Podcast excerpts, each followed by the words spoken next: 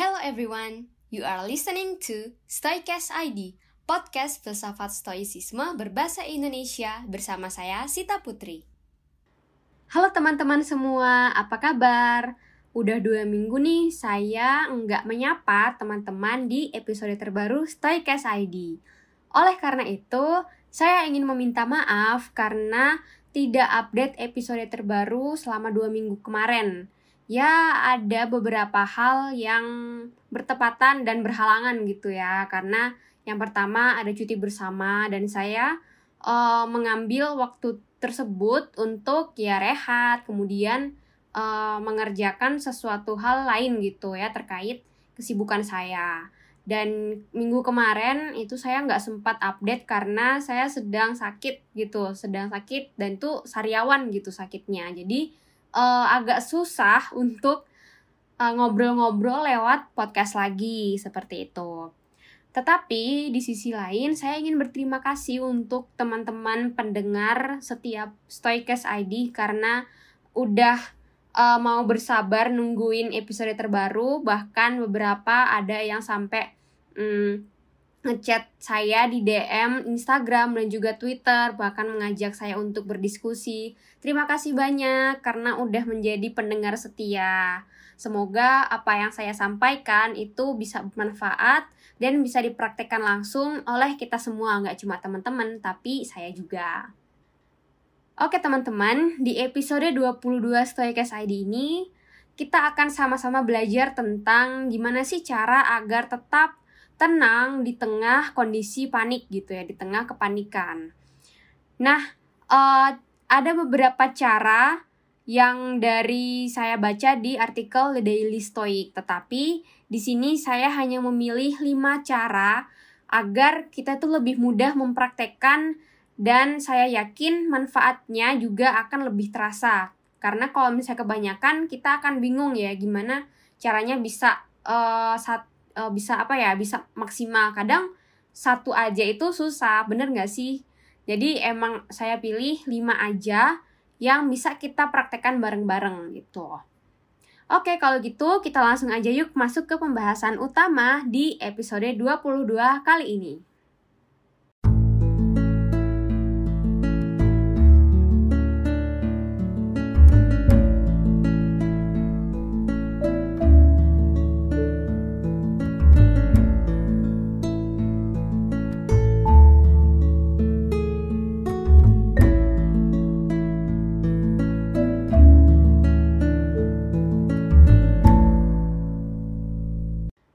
Kondisi pandemi dan juga krisis yang terjadi saat ini itu kadang kita tuh uh, sulit untuk gimana sih cara membuat diri kita tuh tetap tenang di tengah ya chaos ya di tengah kekacauan yang terjadi gitu. Cara yang pertama yang ingin saya share adalah berfokus pada hal-hal kecil yang bisa kita lakukan.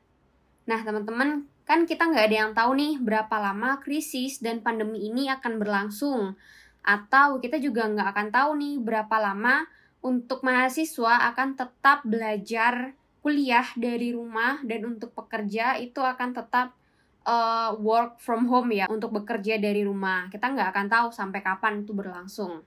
Tetapi kita juga harus selalu ingat bahwa kita dapat mengendalikan apa yang kita lakukan untuk meningkatkan diri kita selama rentang waktu tersebut. Ini balik lagi ke konsep awal dikotomi kendali. Karena kalau misalnya kita nggak tahu nih apa sih hal-hal atau kita nggak ingat apa sih hal-hal yang dapat kita lakukan di kondisi yang seperti ini, uh, kita akan susah nih karena kalau misalnya kita selalu ingat, kita akan bisa membuat perubahan kecil yang positif gitu setiap hari. Dan sangat mungkin kita akan menjadi jauh lebih baik saat pandemi atau krisis ini berakhir. Oleh sebab itu, salah satu filsuf Stoa dan pendiri dari filsafat Stoicisme ini mengatakan bahwa kesejahteraan diwujudkan dengan langkah-langkah kecil, tetapi itu bukanlah hal yang kecil.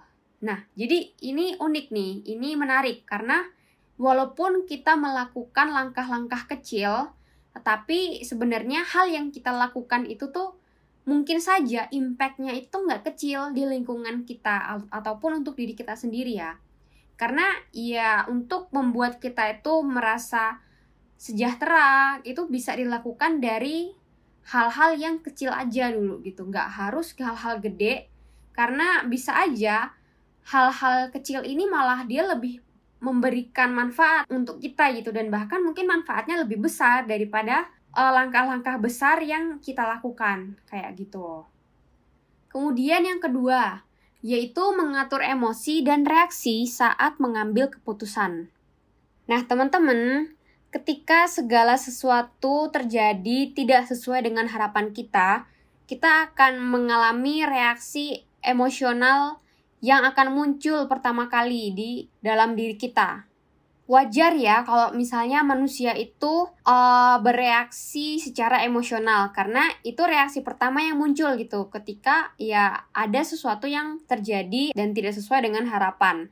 Tapi hanya karena reaksi yang muncul ini adalah reaksi alami kita sebagai manusia, bukan berarti hal itu adalah ide yang bagus dan dibenarkan gitu. Karena gini, belum tentu reaksi emosional itu tidak destruktif gitu. Karena kebanyakan dari kita ketika kita memberikan reaksi emosional pertama itu akan berlarut-larut ke uh, emosi itu. Nah, oleh sebab itu menurut kaum Stoa, karena manusia itu diberkahi dengan kekuatan nalar untuk melindungi kita dari reaksi emosional yang mungkin akan destruktif, oleh sebab itu Seneca mengatakan bahwa obat terbaik untuk amarah adalah penundaan. Jadi ketika uh, kita merasakan reaksi emosional kita, entah itu marah, entah itu sedih, itu kita harus berusaha sekuat tenaga untuk menunda emosi tersebut. Bukan menahan, tapi menunda. Karena kalau misalnya kita menunda dan kita bisa mengeluarkannya di waktu yang tepat atau di tempat yang lebih baik gitu, kita akan uh, nggak membuat orang lain di sekitar kita itu tuh sakit hati mungkin atau nggak akan membuat suasana menjadi nggak nyaman gitu nggak kondusif. Oleh sebab itu Seneca menganjurkan untuk ditunda dulu gitu emosinya. Kita bisa keluarkan emosi tersebut di kesempatan yang lain mungkin ketika kita sendiri atau kita melakukan hal lain. Kemudian Marcus Aurelius juga menasihati kita kalau ketika kita udah terlanjur nih memberikan reaksi emosional. Nah, Marcus Aurelius mengatakan bahwa segera kembalilah ke diri Anda sendiri dan jangan terus berlarut lebih lama dari tekanan yang berlangsung. Jadi, kita tuh harus segera sadar kalau kita sedang marah dan kita juga harus kembali gitu. Kita harus kembali ke posisi yang netral gitu. Emosi kita tuh harus netral. Jangan biarkan emosi itu menguasai diri kita. Kita juga harus ingat jangan terlalu sering memberi makan emosi kita. Jadi, kita harus mencoba sebaliknya. Kita harus terus-menerus mengembalikan pikiran kita ke tempat yang hening, membuat uh, kita itu merasa uh, di kondisi yang netral, agar kita tuh juga dapat membuat keputusan yang lebih baik dan lebih siap untuk menangani hal-hal yang akan terjadi di masa depan. Kemudian yang selanjutnya adalah mengurangi membaca berita atau informasi di media sosial. Sebenarnya nih teman-teman gak ada sih yang salah dengan selalu update ya tentang berita terbaru di media sosial. Tetapi alangkah lebih baiknya kalau kita juga memberikan batasan nih berapa lama kita harus membaca berita-berita tersebut, kemudian berapa banyak informasi yang harus kita olah dalam satu hari. Dan uh, sebenarnya berita atau informasi yang kita dapatkan itu penting nggak sih untuk kita baca gitu. Jadi kadang nih ketika kita terlalu banyak mengonsumsi informasi atau membaca berita di media sosial, kita akan jadi apa ya uh, bingung gitu, pusing, cemas, terus panik gitu ya. Sama seperti yang saya alami pas awal-awal terjadinya outbreak pandemi ini gitu. Saya kebanyakan membaca berita tentang naiknya kasus positif COVID, kemudian juga informasi kalau macam-macam gitu informasinya. Ada yang uh, inilah yang itulah pokoknya banyak banget informasi yang saya baca waktu itu. Nah di situ saya menjadi panik saya menjadi cemas gitu. Nggak bisa tidur bahkan kepikiran mulu gitu kan overthinking. Nah di sini uh, saya berusaha untuk mengurangi gitu dengan cara ya saya membisukan akun-akun di Twitter yang menginformasikan hal-hal itu gitu. Istilahnya ya saya sadar kalau ternyata hal itu tuh nggak terlalu penting buat saya gitu karena efeknya itu bikin saya cemas, bikin saya panik gitu. Jadi selama masa krisis ini kita juga harus menemukan sesuatu yang dapat kita lakukan untuk membantu diri sendiri. Mungkin seperti saya tadi, memilah informasi mana yang harus saya baca, kemudian membisukan akun-akun yang mungkin informasinya tidak terlalu penting untuk saya atau memberikan dampak yang negatif untuk kesehatan mental saya. Bahkan jika hal itu hanya belajar untuk mengelola emosi kita. Jadi memang kita harus menemukan sesuatu yang kita lakukan gitu untuk ngebantu diri sendiri. Karena melakukan setidaknya satu hal dengan benar itu jauh lebih baik daripada merasa tidak berdaya saat menghadapi sesuatu yang lebih besar dari diri kita sendiri. Kemudian yang terakhir nih, menjaga hubungan dengan orang lain. Nah, teman-teman mungkin mengalami juga selama krisis atau pandemi ini kita jarang bertemu tatap muka dengan orang-orang dekat kita, entah itu orang tua, saudara, ataupun sahabat dekat kita. Meskipun stoicisme adalah filosofi yang menekankan kemandirian dan kekuatan, kemudian kejujuran moral dan kehidupan batin, penting bagi kita untuk nggak salah mengira filosofi ini sebagai pembenaran untuk mengisolasi diri, untuk menarik diri dari lingkungan sekitar lingkungan sosial kita. Karena sebagai makhluk sosial, ya kita manusia sebagai makhluk sosial, itu kita mendapatkan sesuatu tuh kan dari pemberian orang lain dan kita dibuat lebih baik untuk diperhatikan dan memperhatikan. Jadi itulah gagasan sebenarnya tentang simpateia dalam stoicisme. Simpateia ini yaitu perasaan hangat dan nyaman karena mengetahui bahwa kita itu adalah bagian dari keseluruhan yang lebih besar. Maksudnya kita nggak hanya berada dalam lingkungan terkecil dalam keluarga, tetapi kita itu juga bagian dari seluruh dunia ini gitu, citizen of the world kayak gitu.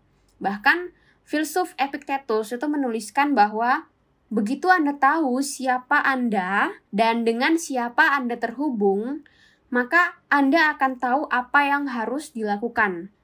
Jadi tugas kita sebagai manusia itu diungkapkan melalui hubungan kita satu sama lain.